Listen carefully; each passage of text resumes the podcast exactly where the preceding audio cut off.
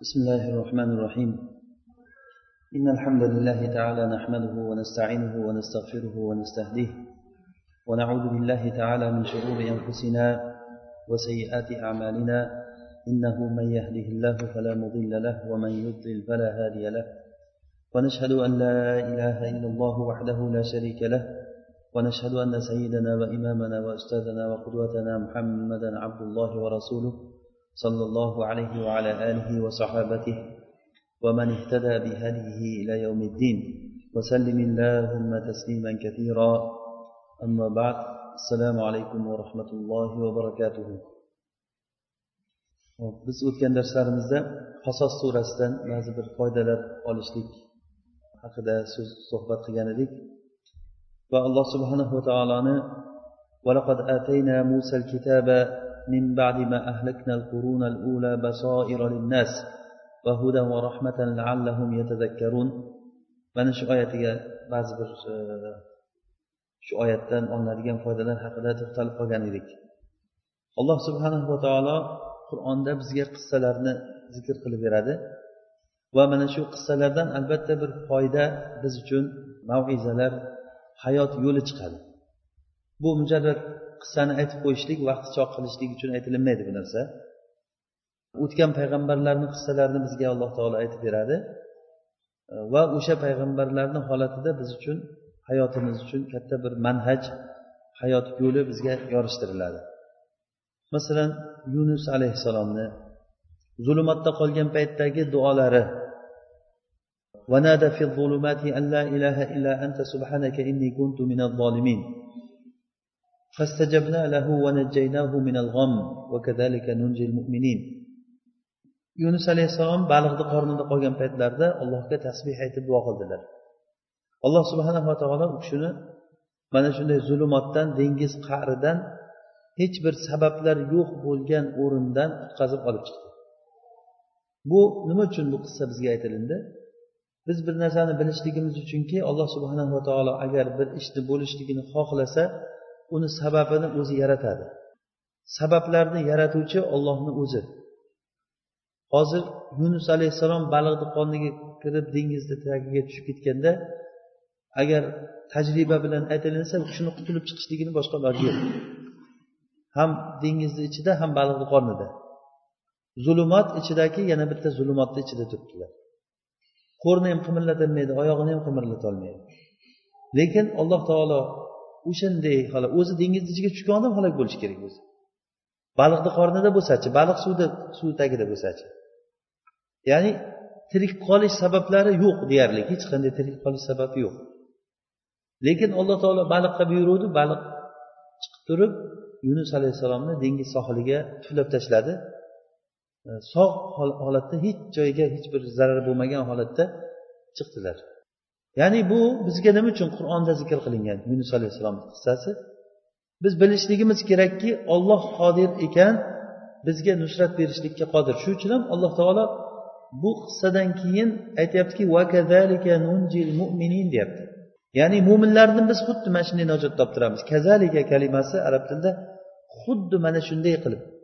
Ya'ni xuddi mana shunday degani hech sabablar topilmagan o'rinda ham biz qutqaramiz degani. Mana bu narsa ilm bo'ladi foydali ilm mana shu narsa. Biz qur'onni yodlab o'ttiz pora qur'onni bu yog'idan kirib bu yog'idan chiqishlik hadislardan san'at olishlik. O'nta ashara qiroatdan sanadim bor qur'ondan qancha narsadan sanadim bor degan kishilar qancha ilm o'rgansin o'rganmasin agarda shu ma'no odamni qalbiga yetib bormasa u ilm foyda bermaydi. Biz ilm o'rganamiz qanaqa ilm? Foyda beradigan ilm o'rganishligimiz kerak oz bo'lsa ham. Ya'ni aynan rasululloh sollallohu alayhi vasallam sahobalarni mana shu ruhiyat bilan tarbiyaladilar. Mana shu qissalardan qur'on qissalaridan biz uchun katta bir ibratlar bor.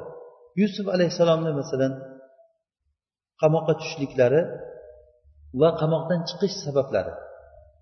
Podshoh tush ko'rgan tushida yettita sigir boshqa yettita e, arriq sigirni yetganligini ya'ni arriq sigirlar semiz sigirlarni yetganligini ko'rdilar. Buni tavilini so'raganda hech kim bilmadi tavilini yusuf alayhissalom bilan qamoqda yotgan bir kishi esiga tushib ketdi. Yusuf alayhissalom tabilni biladigan kishi edi. Meni yuboringlar qamoqqa men sizlarga tabilini aytayotgan odamni olib kelaman.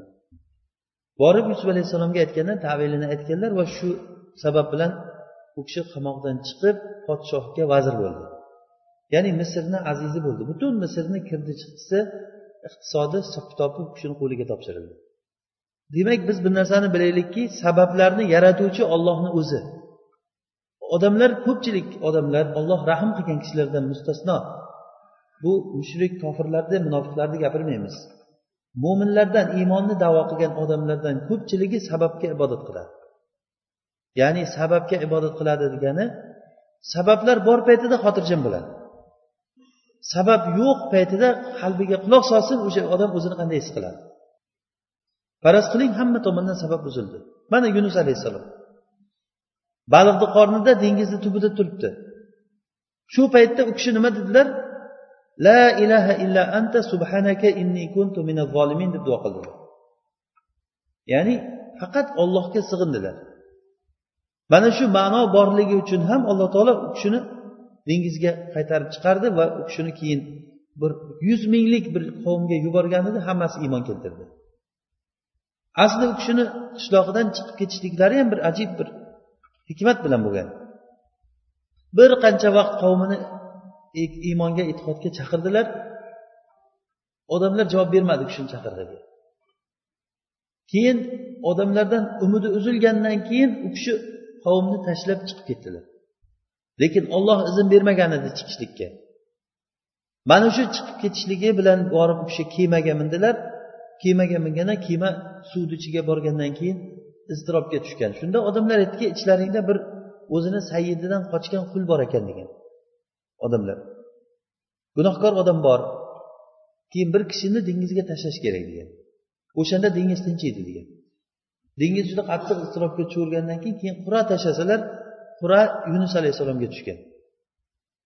Ye bu solih kishini tashlab yubormaylik yana boshqatdan tashlaylik deb qaytadan tashlasalar yana qaytadan yunus alayhissalomga tushdi. Yana qaytadan tashlasa yana yunus alayhissalomga tushgan. Demak fasahama fakana minal mudhadin qur'onda kelgan mana ya'ni qur'a tashuvdi u kishiga halok ya'ni suvga cho'kuvchi bo'lishlik haqqi shu kishiniki ekan oxiri dengizga tashlandi bu kishi. O'zini o'zini o'zi tashlab yuborgan degan rivoyatlar ham bor. Shu tushganda baliqni qorniga tushgan. Keyin baliqni qornidan tasbeh aytib u kishini olloh qutqarib qo'rg'ulikka chiqqan paytda alloh taolo u kishiga bir oshqovoq o'simligini yaratib bergan. Shuni yeb uni soyasida soyalanib u kishi o'ziga kelib bo'lgandan keyin bir qishloqqa da'vat qilishlik uchun alloh taolo yuborgan yuz ming kishi bo'lgan. Borib shunday da'vat qilgan paytda iymon keltirgan hammasi bizdan. Olloh xohlasa iymon keltiraveradi yuz ming odam bir million odam. Muhim demak biz bir narsani tushunishimiz kerak ekanki bizni maqsadimiz hamma odam mo'min bo'lib ketishligi musulmonlar quvvatli bo'lib ketishligi emas. Albatta buni havas qilamiz niyat qilamiz bu narsani bo'lishligini. Orzumiz bu. Lekin hayot manhajimiz emas bu. O'shanga yetisholmasa bo'ldi tamom maqsadga yetisholmadi odam. Degani emas bu. Bizni maqsadimiz ollohni rozi qilishlik bo'lishi kerak. Olloh bizdan qachon rozi bo'ladi? Agar adadimiz ko'p bo'lsa rozi bo'ladimi? Kuchimiz quvvatimiz ko'p bo'lsa rozi bo'ladimi olloh bizdan? Olloh bizdan qachon rozi bo'ladi? Qachon bizni qalbimizda alloh taolo sidiqni bilsa ya'ni sidiq topilsa bizni qalbimizda ana o'shanda alloh taolo bizdan rozi bo'ladi. Biz g'olib bo'laylik mag'lub bo'laylik uni ahamiyati yo'q. Kuchli bo'lamizmi kuchsiz bo'lamizmi buni ham ahamiyati yo'q. Boy bo'lib yashaysizmi kambag'al bo'lib yashaysizmi? Biz bilingki bu dunyoni lazzati ollohni rahmati bilan bog'langan dedik. O'sha uchun bu lazzat lazzatdan hayotda foydalanishlik uchun ko'p mol bo'lishligi shart emas. Va uy joy sharoit bo'lishligi shart emas. Hech narsa bo'lmay turib ham odam rohatda yashayveradi ollohga istig'for so'ranglar. Mana hud alayhissalomni tili bilan aytilingan ollohga istig'for so'ranglar alloh taolo sizlarni bu hayotda yaxshi yashatadi degan.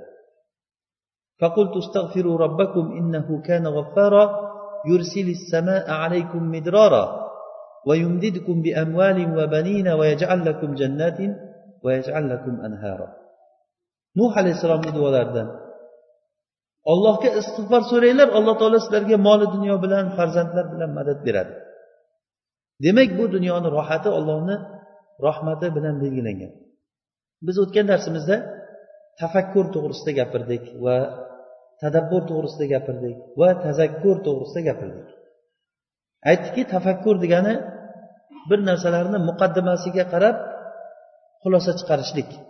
Masalan inson o'zini zaifligini ko'rgandan keyin atrofdagi odamlarni zaifligini fikrlagandan keyin shu haqda fikr qilsa buni orqasida bir quvvat borligini odam biladi. Inson haqiqatda bir zaif kishi. Shunchalik zaifki agar bitta joiz bitta nuqta ishlamay qolsa tamom odam odamligidan chiqadi. Insonni ko'zida shunday bir tomirlar borki agar bittasi to'silib qolsa inson ko'zi ko'rishdan to'xtaydi. Quloqni eshitishligini olasizmi aqlni ishlashligini olasizmi yurakni urib turishligini olasizmi?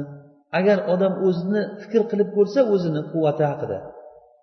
Umuman kibrlanmaydi aqlli odam. La havla va la quvvata illa billah deb qoladi. Ollohdan boshqa quvvat yo'q deydi. Mana shu ilm agar insonga singsa mana shu narsani singishligi uchun odam fikr qilishlik kerak. O'sha uchun fikr to'g'risida gapirganda alloh taolo koinotdagi mo'jizalar haqida gapiradi. Masalan osmonlarda yerlarda fikr qiladi. Quyoshni chiqish botishligi oyni chiqish botishligi osmonlar va yerni yaratilishligida fikr qiladi. Robbana ma hada batila.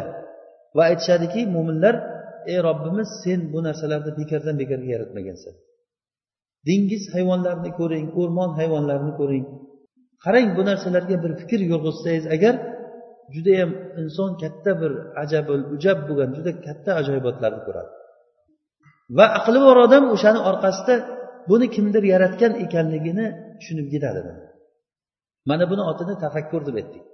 Va yana tadabbur deganligi bir narsani ko'rgandan keyin oqibatidagi narsani ko'ra bilish degani. Ya'ni bir narsani dubr degani o'zi narsani orqa tarafi degani. Ya'ni shunday devorga qarab devorni orqasidagi narsani o'ylash degani. Masalan hozir o'lgan odamlar qayerga ketyapti? Shuncha odam mana o'zi qo'limiz bilan yuvib kafanlab janozasini o'qib olib borib ko'mib kelyapmiz. Qayoqdan kelyapti odamlar? Qayoqqa ketyapti odamlar? Mana bu haqida tadabbur qilishlik juda kamayib ketgan odamlar.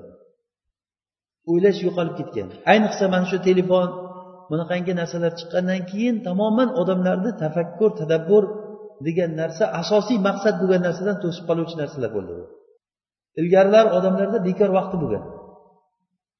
Hozir shu bekor vaqti bo'lgandan telefon chiqarib chuqalash boshlanadi. Kimga qarang qo'lida bir parcha telefon shuni ochib olib turib yoqqa bu yoqqa yoqqa bu yoqqa o'tkazib o'tgan bo'ladi koshki agar bir foydali narsa ko'rilayotgan bo'lsa mayli o'shandan mana bu narsa o'zimizga o'zimiz ziyon qilyapmiz. Bu avvalambor o'zimga va boshqa hammamizga bu eslatma bu. Toki hozir bizda fursat bor. Shu paytda ilm foydali ilm o'rganishlikni alloh taolodan so'rashligimiz kerak. Bu uchun biz sabablarni ushlashligimiz kerak. Nusrat nima uchun kechikyapti bizga? Nusratni kechikishlik sabablari va bizni xorlikka uchrashlik sabablari va nusrat sabablarini o'rganishligimiz kerak. Mana bu ilm bo'ladi bizga.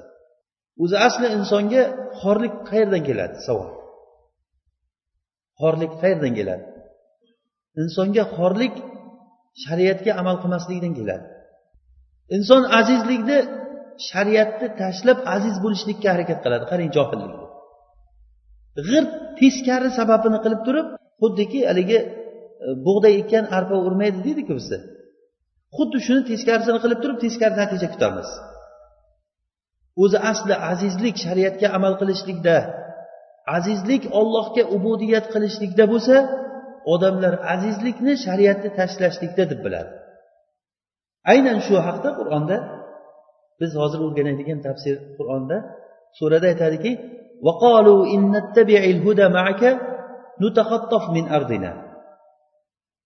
va ular aytishdiki makka mushriklari agar seni bu qo'lingdagi hidoyatga ergashayotgan bo'lsak demak hidoyatga deganidan bilingki ular hidoyatni tan olgan va aytib ham o'tiribdi shu hidoyatga ergashadigan bo'lsak biz yerimizdan bizni odamlar kelib turib talab ketadi.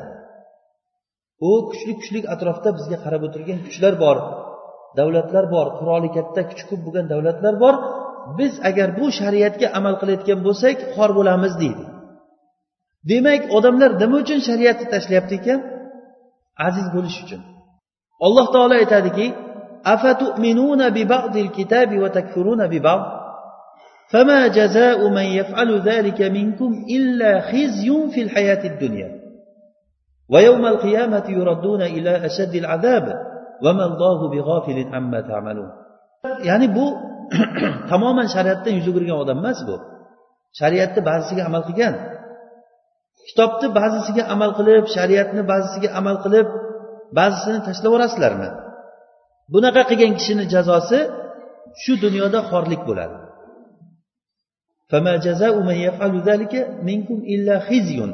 hizyun kalimasi arab tilida zullun o'zi zul arab tilida xorlik degani. Lekin xizyon deganligi xorlikni o'ta tuban darajasi degani. Inson o'zini xorligini o'zi his qiladi ich ichidan. Ana shu hiziy bo'ladi. Past ishlarni xor bo'lgan ishlarni qilayotgan odamlar masalan musulmon kishilar borib turib kofirni xizmatini qilib uni axlatini tozalab boshqa ishlarni qilganda bunda albatta zul bor bunda. Ya'ni musulmon kishi o'zini aziz tutish kerak. Aizzatin alal kafirin deb aytgan alloh taolo musulmonlarni ya'ni kofirlarga o'zini aziz tutish kerak. Har qancha muhtoj bo'ling ham har qancha kambag'al bo'ling ham. Odamdan maqsad faqat boyish pul topish emasku aizzatin alal kafirin azillatin alal mo'minin mo'minlarga o'zini xor oladigan o'zini past oladigan kofirlarga bo'lsa o'zini yuqori oladigan deyilgan. Hozir musulmonlar buni teskarisi chunki iymonni qadrini bilmaydi odamlar. Mana shu xorlikda yashaydigan ba'zi kishilar o'zini xorligini bilmaydi. Mana bu zul deyiladi. Lekin olloh asrasin o'shanday holatda odam agar o'zini xorligini sezsa mana bu hiziy bo'ladi. Ollohni shariatidan yuz o'girgan bir toifani alloh taolo maymunga aylantirib qo'ydi. Ibn kasir rahimaulloh tafsirida aytadi nabbos abbos roziyallohu anhudan o'sha odamlar maymunga aylanib qolgan odamlar bu toifa solih kishilar o'tib ularni tanigan. Qarasa e bu falonchi bu falonchi deb turib maymunligini maymunlar bularni taniganu lekin bular tanimagan. Haligi tanigan kishilarni oldiga kelib sonlariga boshini qo'yib turib yig'lar ekan haligi maymunlar. Chunki hayotda birga yashagan. Yig'lab yig'lab ko'zlaridan qon oqib ketardi degan. Ya'ni maymun o'zini maymunligiga hech qachon xafa bo'lmaydi. Baxtli bo'lib yashaydi maymunlar. Lekin olloh asrasin odam agar maymunga aylanib qolsa mana bunda siz shuni his qilingki mana bunda hiziy bor. Hiziyun deb shuni aytadi. Ollohni shariatini ba'zisiga amal qilib ba'zisiga amal qilmaslik ular uchun shu dunyoda hiziy bor deyapti alloh taolo. Shu dunyoda ularga xorlik bor. Mana xorlik bizga qayerdan keladi? Va qiyomat kunida ularga qattiq alamli azob bor degan. Alloh taolo sizlar qilib yurgan ishlardan g'ofil emas. Bu odamlardan ko'pchiligi olloh istisno qilgan kishilar bundan mustasno albatta ko'pchilik odamlar shariatga o'zini havoyi nafsi bilan ibodat qiladi. Agar o'ziga haq bo'lsa bo'ysunadi agar o'zini zarariga bo'layotgan bo'lsa yo'q deydi. Ko'cha ko'cha qoidasini hal qilaman men buni deydi. Umuman shariat bu musulmon odammidi bu namoz o'qib yuruvdi? Hech tanimay qolasiz qanaqa odamligini. Shariatni bunaqa qo'yib tur deydi. Hozir buni gaplashyapmiz deydi. Xuddiki bu shariatga tegishli emas deydi. Xuddi shu haqda keldi qur'onda mana shu oyat. Ollohni kitobini ba'zisiga iymon keltirib ba'zisiga kofir bo'lasizlarmi? Bunday qilgan odamlarga dunyoda xorlik bor deydi. Ollohni shariatidan yuz o'girishlikda ollohni shariatidan yuz o'girishlikda dunyo hayotida tang hayot beriladi.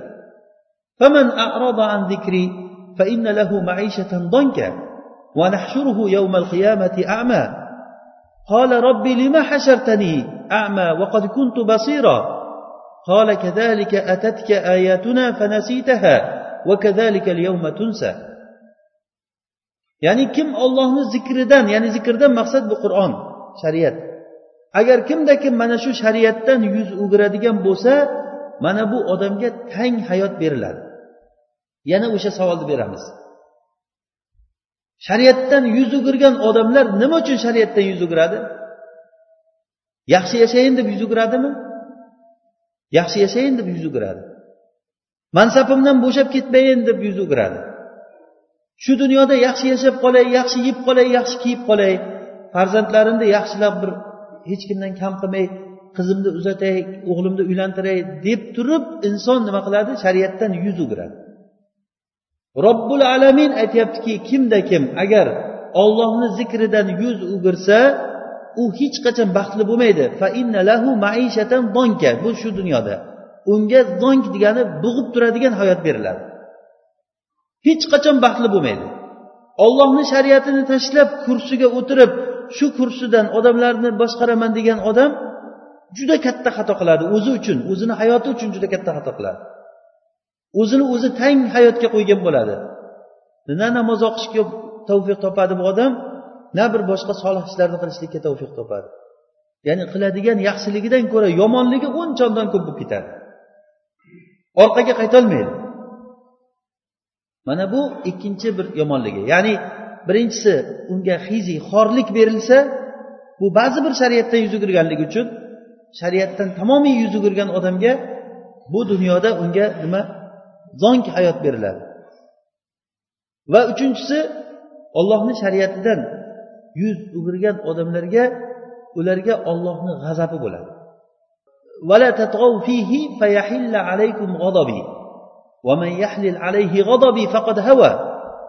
Alloh taolo aytadiki sizlar bu dinda qur'onda haddilaringdan oshib ketmanglar. Ya'ni dinni tashlab boshqa yoqqa o'tib ketib qolmanglar. Aks holda alaykum g'azobi sizlarga meni g'azabim tushadi degan. Olloh asrasin agar ollohni g'azabi odamni ustiga tushib turgan bo'lsa bu odam qanday toyib bo'lib yashaydi qanday yaxshi hayotda yashashi mumkin bu?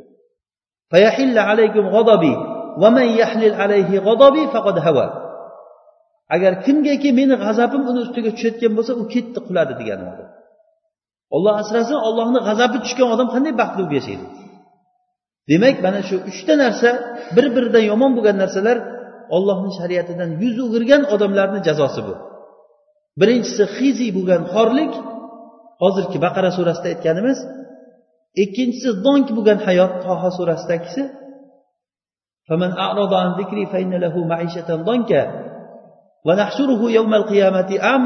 qiyomat kuni uni ko'zi ko'r bo'lgan holatda tiriltiramiz. Al jazau min jinsil amal. Ya'ni uni jazosi xuddi amaliday bo'ladi. U aytadiki robbim nimaga meni ko'zimni ko'r qildilaring? Men hayotda ko'zim ochiq ediku desa alloh taolo aytar ekanki xuddi shunday senga bizni oyatlarimiz kelgan paytda unutding. Bugun biz seni unutamiz ko'zing ochiqligini degan. Senga ko'z berishlikni unutamiz biz. Shuncha xorlik shuncha qiyinchilik nima sababdan kelyapti? Shariatdan yuz o'girishlik uchun kelyapti. Biz hozir eng xor ummatmiz desa ham mubolag'a bo'lmaydi musulmonlar. Biz dinimizdan ham ajraldik sultonimizdan ham ajraldik. Bir paytlar musulmonlar sultonlikdan ajralgan paytlari bo'lgan. Mana salohiddin ayubiy misrda fotimiylardan tozalagan paytlarida shiyalardan mana shu bir paytlar shiyalar to'rtinchi asrlarda tamoman shiyalar egallab olgan. Xuroson bu nima taraflarda? Xuroson taraflarda buvayhiylar shiyalar. Misrda fotimiylar misr mag'rib buyog'i to marokko o'sha oxirigacha dengizgacha mag'rib taraf hammasi fotimiylarni qo'l ostida bo'lgan. Tamomiy dunyoni hamma asosiy qismini hamma joyini shiyalar egallab egallab olgan. Shomda hamadoniylar. Hamadoniylar bular ham shiya bo'lgan. Ana shulardan faqat ahli sunna andalusda umaviylar qolgan. Faqat andalusda bo'lgan andalus hozirgi ispaniyada. To'rtinchi asrlardagi gap bu. Mana shulardan alloh taolo qutqardi ahli sunna. Tez orada judayam tezlik bilan shiyalarni hukumati yo'qoldi lekin hukumati yo'qolgan bilan ular dinini saqlab qoldi o'zlarini dinini o'sha mazun bo'lgan soxta dinlarini saqlab qoldi ular. Va hozirgi kungacha bu narsani ular saqlab kelyapti. Qayerda bir muammo bo'lsa mana shularni muammosi. Yamandagi muammo ham husiylar hozir shularniki iroqdagi muammo ham shularniki suriyadagi muammo ham shularniki. Hamma muammo shu shiyalarni muammosi. Ular ahli sunnadan ko'ra ancha birikkan ahli sunnadan ko'ra o'zini diniga g'ayur o'zini yo'liga tirishgan odamlar. O'sha uchun ham alloh taolo bu sabablariga ko'ra bu dunyoda berganligi uchun ham ahli sunnani hozir tamomiy butun o'ynatib ahmoq qilib yuribdi bular. Ahli sunna bo'lsa uyquda uxlab yotibdi musulmonlar. Musulmonlar bir paytlar sultasida ajralgan. Masalan bir ming yetti yuz to'qson sakkizinchi yili napoleon misrga kirib kelgan fransuzlar. bir ming yetti yuz to'qson sakkizinchi yil. O'sha napoleon kirib kelgan paytda u yerda mamoliklar bo'lgan. Misrni boshqarib turganlar mamoliklar bo'lgan. Fransuzlar kirib kelgandan keyin mamoliklar misrni tashlab saidga misrni janub tomoniga qochib ketgan hammasi tamom misrni xalqi fransuzlarni qo'liga qolib ketgan. Lekin odamlarda sultonlik ketgan bilan din bo'lgan. Azhar ahli sunna va jamoa aqidasida tamom odamlar hammasi azhardagi ulamolarga itoat qiladigan payt bo'lgan. Mamoliklar sultonlik qilib odamlarni boshqarib turgan zo'ravon bo'lib turgan odamlar tashqaridan fransuzlar kelgan paytda shunday davlatni tashlab qochib ketgan hammasi uch yildan keyin xalq fransuzlarni quvib chiqargan bitta ham qolmagan. Shayx azharni shayxlari sallalarini palaxmon qilib turib ichiga tosh baylab turib aylantirib otgan ekan. Ya'ni odamlar chiqqan hamma qo'liga ilingan narsa bilan chiqqan din bo'lganligi uchun alloh taolo yana o'zlariga qaytarib bergan. Uch yilni ichida hech bir asar qolmagan. bir ming sakkiz yuz birinchi yilda to'qson sakkizinchi yil kirgan bo'lsa sakkiz yuz birinchi yilda chiqib ketgan fransuzlar. Keyin sakkiz yuz beshinchi yilga kelganda muhammad ali hukumatni qo'liga olgandan keyin keyin odamlarni dinini buzishga o'tgan. Muhammad ali nihoyat darajada fosiq fasod odam bo'lgan. Odamlarni dinini buzgan odamlar shunga rozi bo'ldi. Va shu buzilishlikda kelib kelib kelib oxiri mana jamol abdunosirni davrlariga kelganda shar'iy mahkamalarni ishlatishlikdan to'xtadi. Bu shar'iy mahkamani to'xtatishlikni evaziga nimani evaziga qildi? Aytdiki odamlarni ta'limini tekin qilamiz degan. Maktablar madrasalar o'qitishlarni tekin qilamiz odamlarga tekin xizmat ko'rsatamiz degan odamlar aldangan bunaqangi narsalarga. Mana shuni evaziga hukumat nimadan sultonlikdan ham ajraldi musulmonlar dinidan ham ajraldi. Hozir shunday ahli sunnani yurti deyilingan misrday joyda xalqni aralab ko'ring u yerda bir odamlar bilan suhbatlashib ko'ring. Odamlar tamomiy g'arbni dunyoqarashiga o'tib bo'lgan o'zi. Ijtimoiy sohada ham madaniy sohada hamma sohalarda qarasangiz tamoman odamlar shu g'arb hayotiga o'tib ketib qolgan. Uyida kuchuk boqadi. Papa mama deb gapiradi. Bir narsa desangiz okey deb javob beradi. Arablar musulmonlar qur'on tilida gapirayotgan odamlar. Oddiy taksi haydayotganligi boshqa qur'on o'qisangiz tushunadi o'shalarga. Lekin qur'ondan nihoyat darajada uzoq bo'lib ketgan qur'ondan uzoq bo'lib shariatdan uzoq bo'lgan odamlar ollohni nazarida bir tiyinga qimmat xalq bo'lib qolar ekan. Mana shu narsani biz ko'zimiz bilan ko'rdik shu narsani. Agar odam shariatni tashlasa shariatni tashlagan odamlar bir tiyinga qimmat ollohni nazaridan tushgan odamlar bo'lib qolar ekan. O'n mingdan ziyod odamni bir kunda otib o'ldirib qolganlarini shunday olov berib yoqib yubordi. Butun dunyo tomosha qilib o'tirdi hech kim hech narsa degani yo'q. Internetlarni ham qiziq joyi internetlarni ham uzib qo'ygani yo'q. Ochiqchasiga hamma narsa ochiqchasiga bo'ldi. Hamma ish bitgandan keyin aytdiki ixvonlar o'zlarini o'zlari o'ldirib yoqib ketdi bir joyga to'dalab odamlarni deb ixvonlarga to'ntab qo'ydi deyapti yana jinoyatchi kim ixvonlar. Hech kim hech narsa demaydi ularga. Mana burmada bir kunda o'n besh ming musulmonni so'yib o'ldirdilar. Yosh bolachalarni olib kelib turib shunday cho'pga baylangan issiqqa o'tkazganday qilib turib olib kelib olovni ustiga qo'yyapti shunday tipir tipir tipir qilib o'lib qolyapti bolalar. Tirik bolalarni shunday issiqqa o'tkazib turib ah, o'sha musulmon odamlarni farzandlarini shu nigeriyada mana markaziy afrikada ham bo'ldi. Odamlarni tiriklay yoqyapti olib kelib. Nima uchun yoqyapti musulmon bo'lganligi uchun? Dunyo tomosha qilyapti mana shu odamlarga. Tiriklay odamlarni olib kelib yoqyapti. Shunday youtubega hamma musulmonlar whatsappdan bir biriga jo'natadi. Buni ko'r buni ko'r yomon qilgan ekan qara qancha odam yo'q yuboribdi yomon qilibdi deb. E bundan ham yomoni bor bu yoqda deb bu bundan ham yomonrog'ini tashlaydi kerak biz nima uchun bu narsani biz bir sababini o'rganmaymiz? Buni hammasini sababi shariatdan yuz o'girganligimiz uchun bo'ladi bu narsa.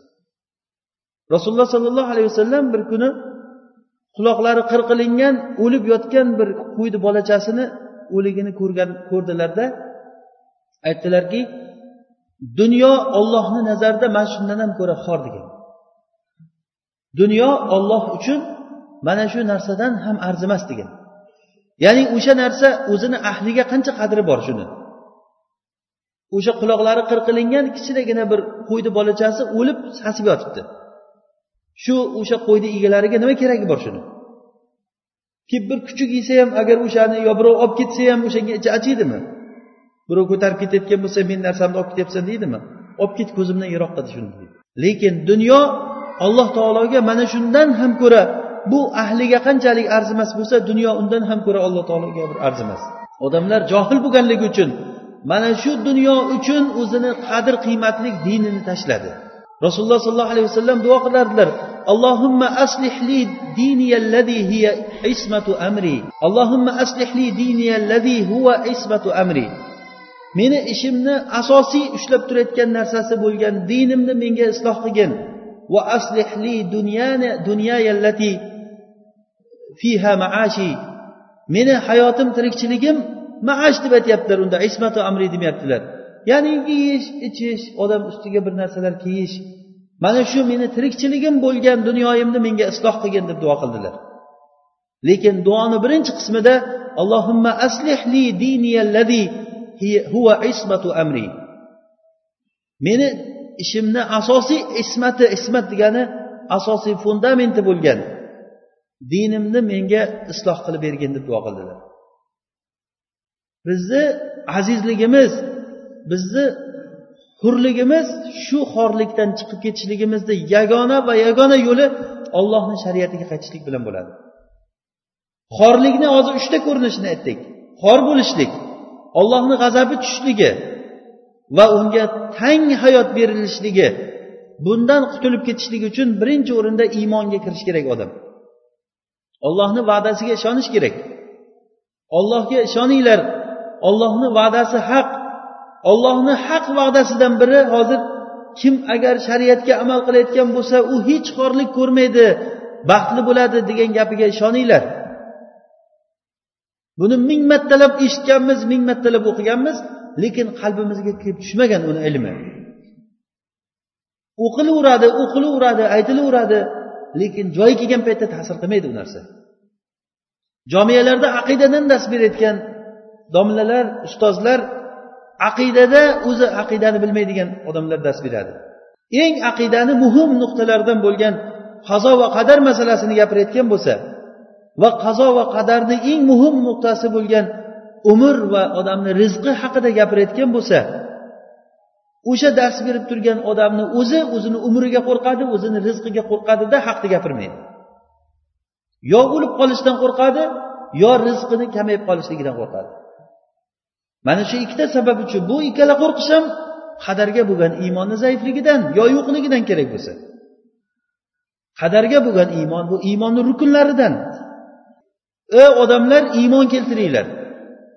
Iymon keltiringlar deganda biz faqat la ilaha illalloh deb qo'yishlik bilan emas iymonni tafsil ichiga kirib iymon keltirish kerak. Alloh taoloni taniylik alloh taologa iymon keltiraylik. Alloh taolo qudratli zot. Alloh taolo hamma narsaga qodir zot. Xohlagan ishini qiladi alloh taolo. Bilinglarki kuch quvvat hammasi ollohda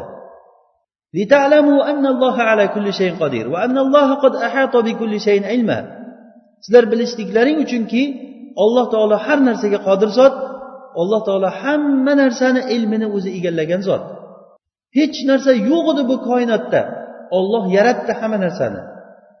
Bizni olloh yaratdi. Rizqimizni olloh beryapti. Ertaga bizni hayotimiz ham bizni baxtimiz hamma narsa ollohni qo'lida. Hech qachon azizlikni ollohdan boshqa joydan istamang. Ala innal izzata lillahi jamia. Izzat hammasi ollohda bu ma'noni necha takrorlaganmiz biz? Lekin qalbimizga singmasa biz bu o'rgangan ilmimiz bizga foyda bermaydi. Demak aziz bo'lishlik uchun nusrat topishlik uchun birinchi ish biz iymon keltirishligimiz kerak. Ikkinchisi sabr qilish kerak. Sabr qil deganda mana shu narsada sabr ya'ni iymonni o'ziga yarasha sabri bo'ladi. Olma pish og'zimga tush bilan bo'lmaydi hech narsa. Dars qilishlik uchun sabr qilish kerak. Ilm o'qishlik uchun sabr qilishlik kerak.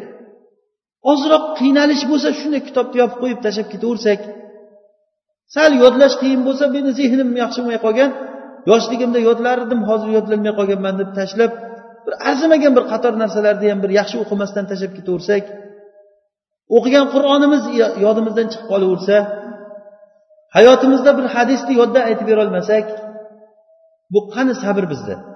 Hayotdagi narsalarga qiyinchiliklarga sabr qilolmasak ayollar sabr qilishni bilmaydi eri uylangan ayollar sabr qilishlikni bilmaydi. Biladi o'sha narsa shariat ekanligini biladi. Lekin shunday yuz o'giradi shariatda. Menga bu to'g'ri kelmaydi deydi. Nima shariat senga to'g'ri kelishi kerakmi yo sen shariatga to'g'ri kelishing kerakmi? Mana shu joyda biz iymonimizni sinab ko'raveraylik. Sabr uchinchisi musobara. Musobara deganligi sabrlashuv. Ya'ni buni kofirlar bizga dushmanchilik qilishlik uchun sabr qilyapti. Ular uxlamayapti ular. Ular hayotini mana shu uchun sarflab qo'yyapti. Umar ibn hattob roziyallohu anhu aytadilar allohimma inni auzu bika min min jaladil fajir va ajzil mu'min. deb. Fojir kishini kuch quvvatidan va mo'minni ojizligidan panoh tilardi umar roziyallohu anhu. Hozir kofir bo'lgan fojir bo'lgan odamlarni chidamliligini ko'rib hayron qolasan. Ular ish soatida ishiga yetib keladi. Vaqtida o'sha o'zini vazifa qilingan narsasini vaqtida bajaradi. Taraqqiyot ishlarini qilyapti boshqa ishlarni qilyapti. Mo'minlar nima qilyapti? Mo'minlar hammasi iste'molchi. Agar shu uch yuz million arab bo'layotgan bo'lsa uch yuz million arabni hammasi iste'molchi. Birorta narsa bir durustlik narsa ishlab chiqarmaydi. Hech qaysi arab diyorida ko'ring. Olloh berib qo'ygan shu neftni sotib uni ham harom harish qilib yeyapti qo'pol aytganda ma'lum bir toifa odamlar uni nes navut qilib turib sovurib sovurib tashlayapti. Uni ham olib borib turib o'sha dushmanlarni banklariga qo'yib qo'yyapti pullarini. Shuni ham bir yaxshi qilib eplab ishlatolmayapmiz bu yoqda bo'lsa musulmonlar ochidan o'lyapti mana suriyada bolalarni ko'ryapsiz ochidan o'lgan bolalarni ko'ryapmiz. Yosh bolalar ochligidan ovqat yo'qligidan o'lyapti ochida. Lekin bu yoqdagi musulmonlar bo'layotgan bo'lsa qancha qancha qimmat gostinitsalardan joy olib turib bron qilib qo'ygan bir necha yillarga. Bir kuniga o'n sakkiz ming dollar yigirma besh ming dollarlik gostinitsalarni bron qilib qo'ygan. Yillab bron qilib qo'ygan yana. Borsa bormasa o'sha pul ketaveradi. Shuncha pulni ko'chirib yuborgan shu yoqqa bu narsa biz sal ko'zimizni ochishimiz kerakmi yo'qmi musulmonlar? Kofirlar sabr qilyapti. Ular qancha qiyinchilik chekyapti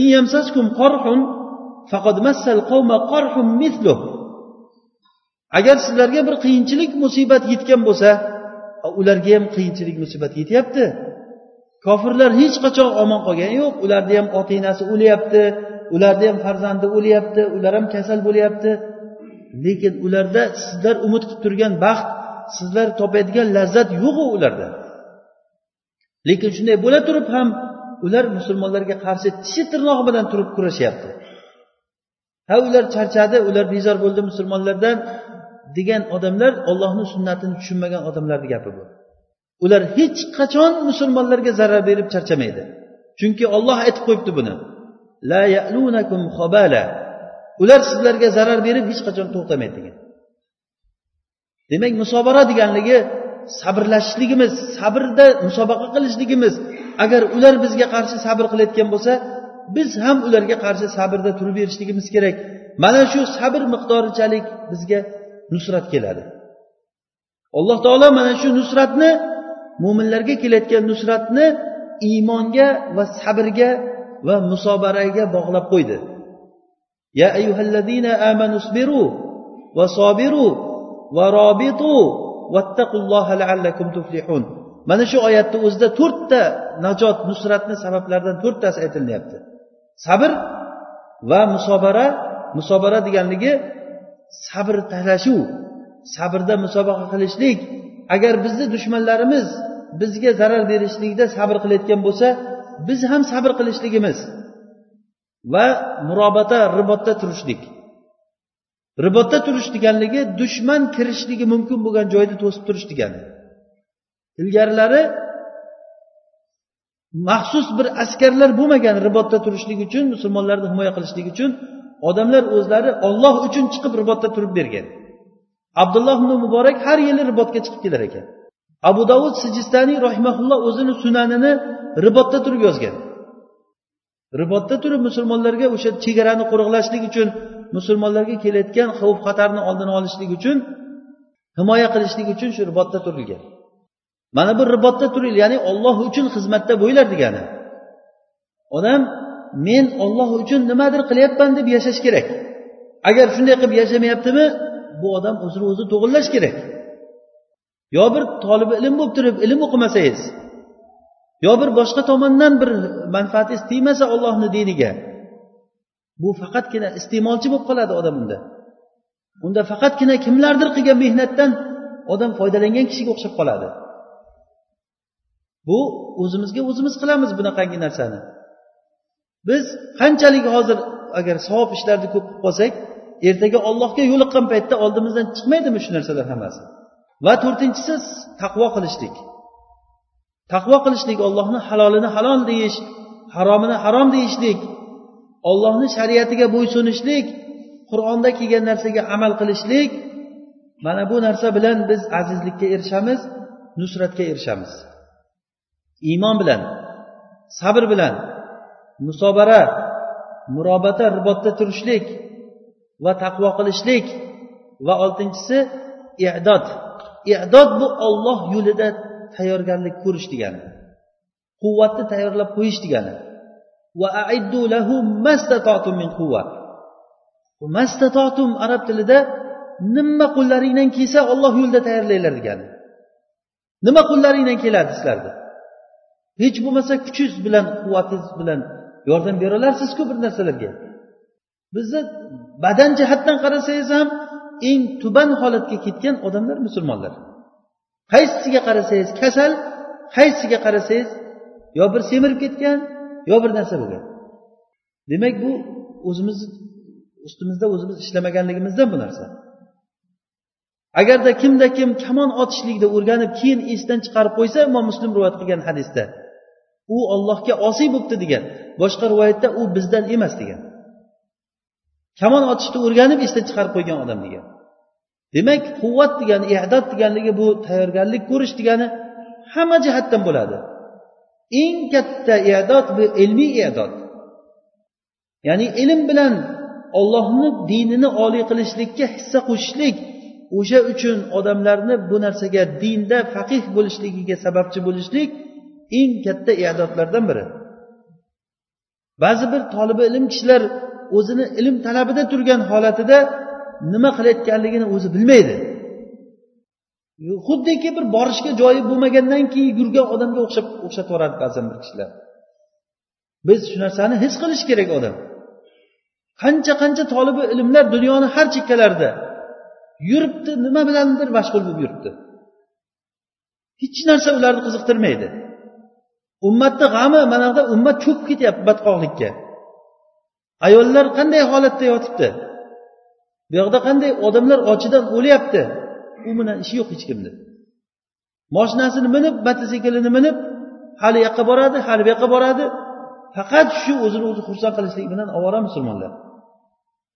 Bunga biz ko'zimizni ochishimiz kerakmi yo'qmi? Demak nusrat sabablarini biz hozir sanayotgan bo'lsak birinchisi iymon ikkinchisi sabr uchinchisi nima bo'ldi? Musobara ya'ni sabrda musobaqa qilish.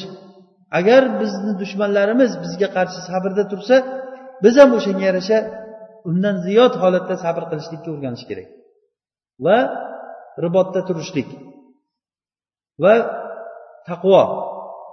Va oltinchisi nima bo'ldi? I'dod tayyorgarlik. Yettinchisi bu nizom tartib. Bu narsani hammasiga qarang hammasida bizni kamchiliklarimiz bor. Har bittasini o'ylab ko'ring o'zimizga hisob ko'ring. Biz birovga hukm qilmaymiz. Biz bu darsimizda birovga hukm qilishlik uchun faloncha unday faloncha bunday deyishlik uchun emas. O'zimiz foyda olishlik uchun o'rganamiz bu narsani. Nizom degan narsada bizda tartib bo'lishi kerak. Necha soat uxlaymiz qachon uyqudan turamiz va qaysi soatdan qaysi soatgacha nima ish qilamiz? Bu narsani tartibi bo'lishlik kerak.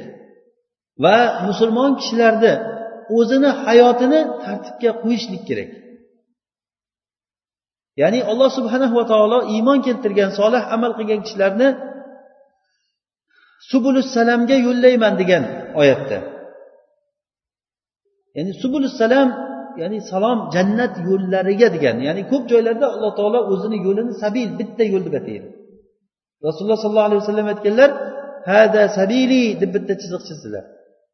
Va yonidan har bir chiziqlarni ko'p chiziqlar chizib turib va hadihi subul dedilar. Bu ko'p yo'llar.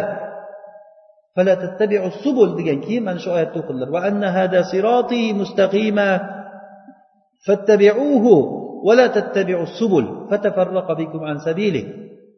Mana bu ollohni yagona yo'li bu. Mana shu yo'lda mustahkam turinglar. Boshqa yo'llarga ergashmanglar. Sizlarni ollohni yo'lidan adashtirib ketadi. Ya'ni ko'p joylarda alloh subhanahu va taolo o'zini yo'lini bitta yo'l deb aytgan. Sirotol mustaqim. Ehdina sirotol mustaqim. Sirotul mustaqim bitta ollohni yo'li. Lekin mana bu oyatda subul assalam deb ya'ni subul ko'p jam siyg'asida aytgan ya'ni bu hayotdagi holatlar e'tibori bilan aytilingan. Masalan nikohlanishlikdagi yo'lda agar taqvo qilsangiz alloh taolo bu taqvodor odamlarni o'zini subuliga to'g'ri yo'liga hidoyatlaydi uylanish paytida odam adashmaydi. Ba'zi bir kishilarni ko'rasizki tamoman dindan yiroq bo'lgan bir ayolga uylanganligini ko'rasiz. Ya'ni ko'rinib turadi o'zi shahvat uchun uylanganligi boshqa narsa emas bu. Demak bu ollohni yo'li sabilda emas bu odam degani shu joyda sabilda emas degani.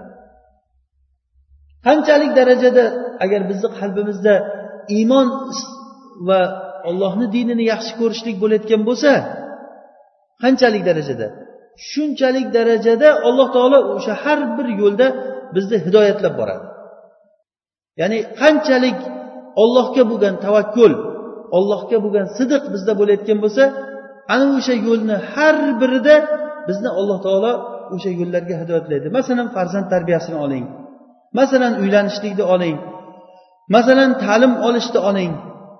Ta'lim o'rganishlikda alloh taolo o'zini yo'liga hidoyatlaydi farzand tarbiyalashlikda o'zini yo'liga hidoyatlaydi topgan pulingizni avvalgi pul topishlikda keyin o'sha topgan pulingizni sarflashlikda ham alloh taolo o'zini yo'liga hidoyatlaydi umringizni sarflashlikda alloh taolo o'zini yo'liga hidoyatlaydi mana shu hidoyatda bo'lmasak agar bir necha yillar o'tib ketadi bu umr nimaga ketganini bilmay qolasiz.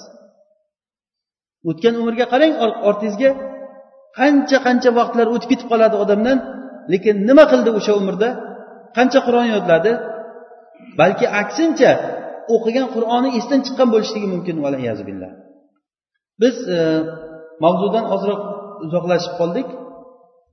Fir'avnni bu misolini biz e, qasos surasida alloh subhanava taolo eng zolim bo'lgan muttaham bo'lgan bir fir'avnni yolg'onchi bir kazzob bo'lgan podshohni misolida alloh taolo ko'rsatib berdi uni.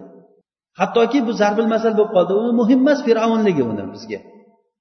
O'sha uchun ham bu ummatni fir'avni deb abu jahlni shunga aytilingan. Fir'avnu hadihil umma deyilgan abu jahlni nima uchun? Chunki rasululloh sollallohu alayhi vasallamga o'ta qattiq zulm qilganligi uchun.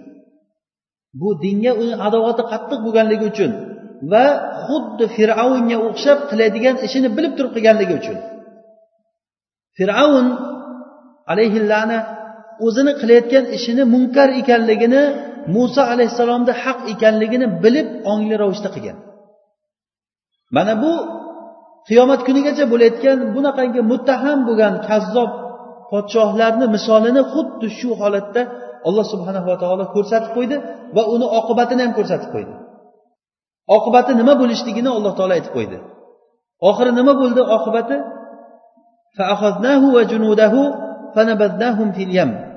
Uni va askarlarini shunday oldikda shunday suvga tashlab yubordik dedi alloh taolo. Tamom shu bilan. Ya'ni u shuncha davudaskasi shuncha qilganligi uni kuchi shunga ham yetmaydi. Har qanday fir'avnni kuchi soxta kuch bo'ladi. Ko'rinishda o'ta quvvatli bo'lib haybatli bo'lib vahima bo'lib ko'rinadi. Lekin aslini olganda u o'ta darajada qo'rqoq o'ta darajada muhtoj odam bo'ladi. Chunki uni o'zi qo'riqchilarga muhtoj. Qo'riqchisiz bir joyga borolmaydi. Xizmatchilarga muhtoj. Hech ish qilolmaydi hech joyga borolmaydi. Mana bu tomondan bu fir'avn mana shu misolda ko'rilingan. Va keyingisi qorun bu qorun ilm va molda tubanlikka ketgan odamni misolini qorun shaklida alloh taolo ko'rsatib bergan ushbu surada. Ya'ni o'zini ilmi bilan faxrlangan va o'zini moli bilan faxrlangan. Ilmi bilan va moli bilan faxrlangan. Qorun shunchalik boyib ketganki alloh taolo bu surada qorun haqida aytadiki unga biz moli dunyodan shunday bir mulkni berdikki uni xazinasini kalitlari bir katta jamoatga yuk bo'lardi. Xazinasini kalitlari. Hattoki ziynatlarini kiyib o'zini butun bashang narsalarini toqib kiyib ko'chaga chiqib yurgan paytda uni ko'rgan dunyoni xohlagan odamlar dunyoga ibodat qilayotgan odamlar ko'rib turib ya laytalana mislama utiya qorun innahu lazu hazzin azim. Bay bay bu qorunni qarang. judayam yaxshi narsalar berilgan bunga deb turib havas qilib yuborgan odamlar va ilm berilgan to'g'ri ilmni olgan odamlar bo'lsa وقال الذين أوتوا العلم ويلكم ثواب الله خير لمن آمن ey sizlar bunaqangi demanglar ollohni savobi yaxshi iymon keltirgan va solih amal qilgan odam uchun ollohni savobi yaxshidir buni faqat sabrli kishilargina bu narsani bilib tushuna oladi bu narsaga amal qila oladi unga sen ollohni fazlini unutmagin. Kechagina hech narsang yo'q edi. Bugun boyib qolding. Ollohni dinini unutmagin. Asling kimligini unutmagin chunki o'zi bani isroildan chiqqan bu o'zini qavmiga xiyonat qilib turib fir'avn tarafga o'tib ketgan sotqin odam bo'lgan u. Keyin shunday deyilsa men o'zim ilmim bilan shu darajagacha keldim degan. Ya'ni buni olloh bergan yo'q menga degan. o'zimni tajribakorligim bilan o'zimni ustaligim bilan ishlardagi meni tadbirim kuchliligi bilan aqlim bilan shu darajagacha yetdim degan alloh subhanahu va taolo odamlarni ko'z o'ngida uni va uni hovlisi moli dunyosi bilan yerga yetkazib yubordi فما كان له من فئة ينصرونه من دون الله وما كان من المنتصرين uni bir jamoasi ham bo'lmadi yordam berayotgan Va o'ziga o'zi ham bir yordam berib o'zini o'zi qutqarib ham qololmadi. Kechagina uni havas qilib o'tirgan odamlar bugun uni halok bo'lib ketganligini ko'rib voy bu qanday ham biz yaxshi bo'lgan ekanmiz a shu qorunday bo'lib qolmagan ekanmiz. Alloh taolo bizga ko'p fazlini bergan ekan biz bilmagan ekanmiz deb keyin bu tomonda havas qilib qolishdi. Mana bu surada qorunni bu misolini ko'rsatgan. Fir'avnni bir zolim bir podshoh misolini ko'rsatib qo'ygan. Bu qiyomat kunigacha ketayotgan zarbul masallar biz uchun. Har qanday fir'avnni har qanday bir fosil botil bo'lgan aqidani fosil bir mafkurasi bo'ladi deb aytgan edik xuddiki fir'avn homonga o'zini vaziriga aytdiki menga bir katta minora qilgin chiqib men musoni ilohi bilan gaplashaman degan. Vaholanki fir'avn bilib turgan ediki bu yo'l bilan olloh bilan gaplashib bo'lmasligini u yaxshi bilar edi. Shuni bilib turib ham ular xalqni aldash uchun va yana o'zini bir o'ta insofli odam qilib ko'rsatishlik uchun xuddiki fir'avn o'zidan o'zi ish qilib ketaverayotgan odam emas u bir yoqni ko'rib u tomonlarni ko'rib bu yoqlarni ko'rib solishtirib oxiri haqni bir topib odamlarga yaxshi bir yo'lni ko'rsatayotgan odam qilib ko'rsatgan o'zini. Eng yomon fosit narsa botilni fasodni bo'yab ko'rsatishlik bo'ladi. G'irt bo'lmag'ur narsani odamlarga aqida qilib turib mafkura qilib turib odamlarga kirgizib sizlar mana shu yo'lda yurasizlar eng to'g'ri yo'l shu deb turib ko'rsatishlik bo'ladi. Buni har qanday jamiyatga solavering mana shu qoida ustida ketadi. Sotsializm tuzumini olsangiz ham ular ham xuddi shunday bir fasod bo'lgan bir nizomni ustida edi. Hech qachon bizga bir ma'lum bo'lgan qoida shuki hech qachon sof yaxshilik yoki sof yomonlik degan narsa bo'lmaydi. Har qanday botil narsani olsangiz ham bir tomondan yaxshiligi bor. Har qanday solih narsani olsangiz ham ba'zi narsalar bundan mustasno.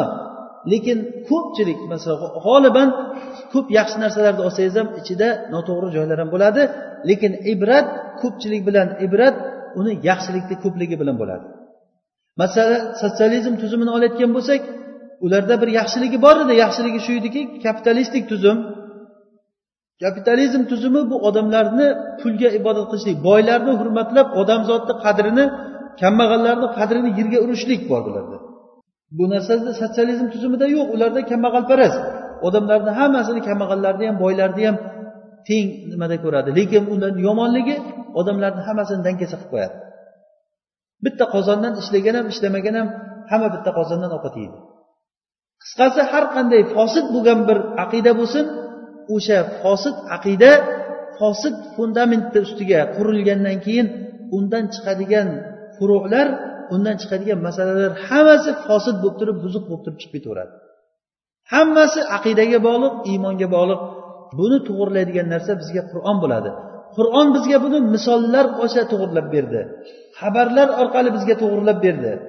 Misollar keltirdi hozir aytganimizdek masalan E, yunus alayhissalomni misolini keltirdik. Yusuf alayhissalomni misolini keltirdik. Mana muso alayhissalomni qissalari biz bilan birga ketyapti hozir. Mana bu narsalarni biz bilsak yana takror aytamizki bizga bir to'g'ri bir aqida paydo bo'ladi. U ham bo'lsa olloh bizni mavlomiz olloh bizni robbimiz ekanligi. Agar olloh biz bilan bo'layotgan bo'lsa bo'ldi boshqa narsa bizga hech narsani keragi bo'lmaydi. Biz bu hayotda yashab olloh bergan umrni yashaymiz. Umrimiz tugagan kuni bu dunyodan ketamiz oxiratga borgan paytda odamlar ikki toifa bo'ladi. Yo jannatga ketadi yo do'zaxga ketadi. Alloh taolo hammamizni shu jannat ahlidan qilsin. Payg'ambarlar bilan siddiqinlar bilan shuhadolar bilan jannatul firdavsda jamlasin. Alloh taologa bu narsa qiyin emas bizdan talab qilinayotgan narsa faqat qalbimiz bilan yaxshilikni istashlik bo'ladi. Ollohni jannati shunchalik kengki uni hamma odam jannatga kirib bo'lgandan keyin ham imom muslim rivoyat qilgan hadisda jannatga odamlar hammasi kirib bo'lgandan keyin ham jannatda ortiqcha joy qolib ketadi degan. Alloh taolo keyin bir qavmlarni yaratib ularni jannatga kirgizib yuboradi. Demak jannat juda ham keng. Jannatni mevalari jannatni ne'matlari bitmas tugalmas mangu bir qoladigan bir ne'mat. Agar kimki shu jannatga kirayotgan bo'lsa hech qachon qiyinchilik ko'rmaydi keyin u yerda qarish degan narsa bo'lmaydi. U yerda kasal bo'lish degan narsa xavf xatar degan narsa och qolishlik yalang'och qolishlik degan narsa bo'lmaydi. Bir biriga so'kish g'iybat ishlar bo'lmaydi u yerda. Mana shunday keng jannatga kirishlikni xohlagan odamlar ana shuning uchun o'shani istagan odamlar shu tomonga qarab ozroq bir ikki qadam qo'yishlik kerak. Shu haq ekanligini bildikmi shuni? Shunga qarab harakat qilaylik. Harakat qilaylik sabablarni ushlaylik. Hozir mana biz nusrat sabablaridan yettitasini sanab o'tdik. Yana takrorlasak agar tezlik bilan iymon sabr va musobara va murobata taqvo idod va oxirgisi nima bo'ldi? Nizom tartib. Mana bu narsalar nusratni sabablari. Bizga nusrat kechikyapti mana shu narsalarda. Halal bor shu narsalarda kamchiliklar bor uchun. alloh subhanava taolo bizga to'g'ri ilm bersin dinimizda faqih kishilardan qilsin alloh taolo bu darsimizni davomiy qilsin baraka bersin سبحانك اللهم وبحمدك نشهد أن لا إله إلا أنت نستغفرك ونتوب إليك